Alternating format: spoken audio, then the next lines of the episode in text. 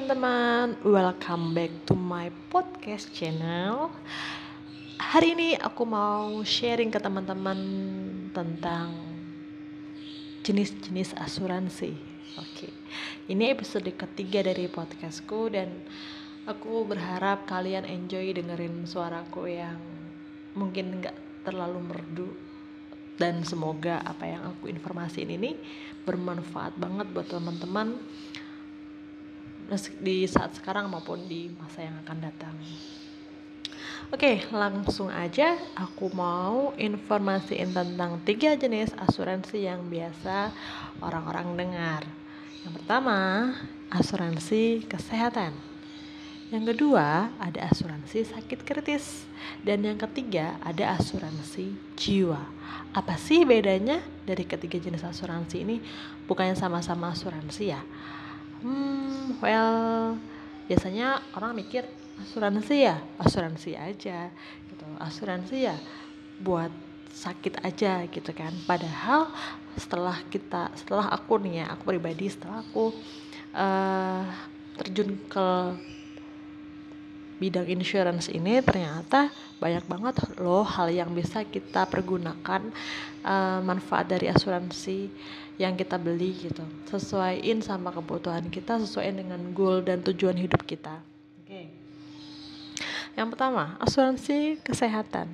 Ngomong-ngomong tentang asuransi kesehatan aku seneng banget dengan program pemerintah yang memberikan fasilitas kesehatan seperti BPJS kesehatan yang sekarang banyak yang pakai. Tapi BPJS kesehatan juga pasti ada plus minusnya. Karena ini fasilitas pemerintah tentunya kita juga harus uh, mengikuti apa yang ketentuan apa yang pemerintah berikan. Nah, khusus asuransi kesehatan ini teman-teman uh, asuransi kesehatan ini dipakai untuk apa sih? Pasti teman-teman juga tanya kayak gitu. Bisa nggak sih buat rawat jalan? Banyak uh, calon nasabahku yang selalu nanya, uh, kalau misalkan cuma batuk pilek flu, bisa nggak sih asuransi kesehatan dipakai untuk itu? Uh, gini teman-teman, asuransi kesehatan itu dipakai untuk kita bayar tagihan rumah sakit. Jadi uh, ketika kita harus masuk rumah sakit untuk rawat inap maupun rawat jalan karena uh, sakit yang berkelanjutan seperti misalkan kayak kanker atau kita harus kontrol setelah rawat inap nah itu uh, kita pakai kartu kesehatan. Ini bentuknya kartu dan sekarang udah modern banget kartunya. Di be beberapa asuransi udah pakai namanya e-card ya. Apalagi di Prudential ini udah ada e-card di, di aplikasi yang khusus dipakai untuk nasabah. Jadi teman-teman nggak perlu repot-repot lagi kalau misalkan harus suatu saat masuk ke rumah sakit dan nggak bawa kartu terus lupa gitu kan terus gimana gitu. Nah itu bisa pakai ikan yang lebih penting lagi dari asuransi kesehatan adalah di tahun ini sudah banyak asuransi yang memberikan fasilitas kesehatan itu e, bayarnya sesuai tagihan. Jadi teman-teman nggak perlu lagi mikirin yang namanya nombok bayar tagihan rumah sakit gitu ya. E, kenapa sih kok dikasih sesuai tagihan? Karena inflasi rumah sakit itu gila-gilaan inflasi di bagian kesehatan itu gila-gilaan teman-teman. E, kalau dulu teman-teman kalau mungkin teman-teman punya asuransi kesehatan yang masih yang zaman dulu yang kayak kalau perupunya itu ada yang kerang atau yang warna merah itu pasti teman-teman harusnya tahu itu manfaatnya ada limit atau batasannya per hari ya. Atau untuk uh, pelayanannya juga ada batasannya. Kenapa dikasih yang fasilitas sesuai tagihan? Ya karena um, uh, perusahaan ini mengikuti dengan inflasi sehingga teman-teman nggak perlu bingung lagi nih kalau masuk rumah sakit harus nombok-nombok udah terima beres aja gitu. Nah, uh, asuransi kesehatan ini adalah asuransi yang paling dasar yang teman-teman harus punya. Even itu teman-teman punya asuransi kesehatan pribadi ataupun dari BPJS ataupun dari kantor. Tapi teman-teman harus ingat juga uh, kalau asuransi yang kalian yang teman-teman pilih itu apa sih plus minusnya kayak misalkan kayak asuransi kantor kalau misalkan kita udah resign nanti kita siapa yang cover uh, dan gitu gitulah banyak nanti kita bahas lebih detailnya di episode untuk spesial asuransi kesehatan ya teman-teman. Intinya adalah asuransi kesehatan adalah asuransi yang dipakai ketika kita harus rawat inap di rumah sakit ataupun rawat jalan uh, pasca rawat inap gitu biasanya ya. Ini bentuknya kartu, bisa juga klaim dan nanti klaimnya itu dibayarkan oleh perusahaan asuransi ke teman-teman setelah uh, melakukan klaim gitu ya. Uh, Oke, okay. asuransi kesehatan cukup itu. Terus next asuransi itu ada asuransi sakit kritis. Teman-teman pasti nanya, apa sih bedanya asuransi sakit kritis sama asuransi kesehatan? Toh sama-sama asuransi juga gitu.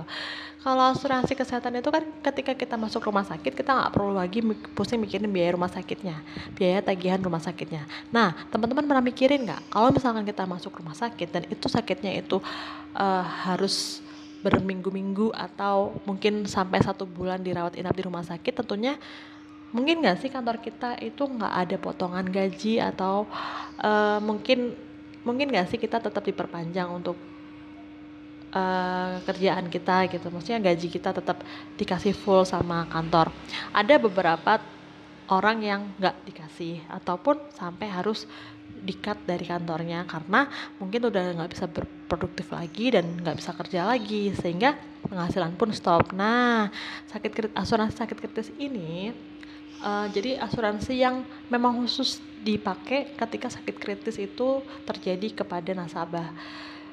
Uh, ini bentuknya uang tunai ya teman-teman. Jadi kayak kalau misalkan amit-amit terkena sakit kritis, itu kita bisa ajukan klaim ke pihak asuransi dan pihak asuransi nanti akan membayar kita secara tunai yang uh, uangnya itu langsung ditransfer ke rekening nasabah gitu. Nah, asuran uangnya ini bisa buat apa aja sih teman-teman? Teman-teman bisa alokasikan uang ini untuk uh, pengganti penghasilan mungkin teman-teman boleh sakit tapi kan cicilan juga nggak akan stop kan karena teman-teman sakit kayak cicilan rumah, cicilan mobil, cicilan motor atau cicilan handphone atau cicilan apa pun atau mungkin bahkan biaya hidup sehari-hari teman-teman juga nggak ada yang bisa gantiin kalau misalkan teman-teman sakit dan nggak kerja gitu. Nah asuransi sakit kritis ini uangnya bisa dipakai untuk itu teman-teman. Jadi uh, kalau udah punya asuransi kesehatan baiknya ditambahin sama asuransi sakit kritis sesuai dengan uh, budget pengeluaran teman-teman per bulannya gitu. Nah, sebenarnya asuransi sakit kritis ini luas banget manfaatnya, bisa buat banyak hal dan uh, macam-macam deh. Um, kalau teman-teman mulai gali lagi tentang manfaat asuransi itu bagus banget punya asuransi sakit kritis. Aku anjurin banget kalau teman-teman harus punya proteksi sakit kritis. Yang ketiga adalah asuransi jiwa. Um, banyak banyak orang yang taunya asuransi itu cuma asuransi jiwa dan banyak orang yang beli asuransi itu hanya jiwa tanpa tahu dia harusnya punya asuransi kesehatan dulu atau asuransi dulu gitu ya. Nah, asuransi jiwa ini sebenarnya buat apa sih dan bentuknya seperti apa? Asuransi jiwa ini akan bisa diklaim ketika seseorang itu meninggal dunia. Nah, ketika seseorang meninggal dunia, klaimnya itu akan ditransfer ke ahli waris yang sudah ditunjuk dari awal kontrak polis. Nah, asuransi jiwa ini juga banyak manfaatnya teman-teman. Mungkin kalau kita mikirnya asuransi jiwa kalau misalkan klaimnya keluar nanti bisa buat makan ya sehari-hari keluarga yang ditinggalkan itu satu yang pertama. Terus bisa bisa jadi asuransi sakit jiwa asuransi jiwa ini uh, dibeli karena untuk membayar hutang usaha atau hutang modal. Ya, hutang modal usaha atau uh, modal usaha yang sudah dipakai untuk bisnis keluarga. Nah, sehingga waktu sehingga saat si nasabah ini meninggal dunia, si keluarga nggak perlu nanggung hutangnya lagi. Jadi hutangnya ini bisa dibayarkan dari asuransi jiwa yang udah dibeli sama si nasabah yang kedua itu mungkin ada lagi yang beli asuransi jiwa dengan tujuan agar pendidikan anaknya tetap bisa lanjut nih teman-teman. Walaupun si pencari nafkah udah nggak bisa lagi ada di dunia ini tapi pendidikan anak-anak atau kelanjutan makan uh, kelanjutan hidup istri harus tetap terjaga. Nah ada lagi teman-teman asuransi jiwa manfaatnya itu uh, bisa juga untuk mempersiapkan aset warisan Uh, kalau tentang aset ini luas banget jangkauannya, luas banget definisinya. Jadi nanti aku akan um, jelasin ini di episode khusus asuransi jiwa. Oke, asuransi jiwa ini gampang banget syarat klaimnya paling gampang sih menurutku ya karena uh, yang penting nggak bunuh diri bunuh diri pun sebenarnya masih bisa diklaim tapi ada masa, masa tunggu klaimnya uh, itu paling cuman kayak form dan surat keterangan meninggal dan juga beberapa hal dari notaris. Dan itu udah cukup dan bisa langsung teman-teman klaim ke perusahaan asuransi. Tentunya dibantu dengan agent yang teman-teman percaya untuk bantu. Nanti uh, setelah itu biasanya asuransi jiwa itu nggak terlalu lama untuk cairnya dan uang tunainya juga bisa dimanfaatkan dengan baik ya teman-teman ketika harus uh, meninggal dunia dan nggak dan cicilan tetap jalan mungkin ya kalau misalkan punya cicilan rumah, mobil, ataupun kartu kredit ataupun ap apa pun itu dan nggak dilengkapi dengan sistem asuransi kan bisa bahaya banget buat keluarga yang ditinggalin ya teman-teman ya. Jadi teman-teman wajib punya uh, asuransi jiwa ini ketika teman-teman tahu nih kalau teman-teman ini punya banyak kewajiban yang harus dibayar. Agar kita tuh kalau misalkan nggak ada di dunia ini nggak merepotkan orang-orang yang kita tinggalin. Oke. Okay. segitu dulu informasiku tentang jenis-jenis asuransi yang biasa orang dengar di Indonesia. Mungkin teman-teman juga biasa dengar. Uh, next episode mungkin aku akan bahas lagi tentang produknya ya. Ada dua produk asuransi yaitu unit link dan juga tradisional. Dan mungkin aku juga mau bahas tentang konsep asuransi. Mana sih asuransi yang harusnya teman-teman punya dulu dan step-stepnya seperti apa. Banyak banget yang sebenarnya yang bisa kita gali dari asuransi ini. Teman-teman yang udah dengerin aku makasih banget. Teman-teman udah mulai membuka diri untuk mengerti dan mengenal proteksi. Teman-teman bisa mulai percayakan proteksi teman-teman ke agent-agent yang teman-teman percaya. Atau bisa juga hubungin aku DM aku aja anytime atau WhatsApp aku di 087824251518 untuk cuma sekedar konsultasi pun gak masalah atau mungkin punya polis yang gak tahu manfaatnya juga silahkan kapan pun bisa DM aku uh, eh, WA aku karena aku feel free banget. Aku sering kerjain kerjaan gue dari rumah karena udah udah masa pandemi kayak gini kan kita udah mulai berubah cara kerja ya. Dan aku enjoy banget dengan kerjaan seperti ini.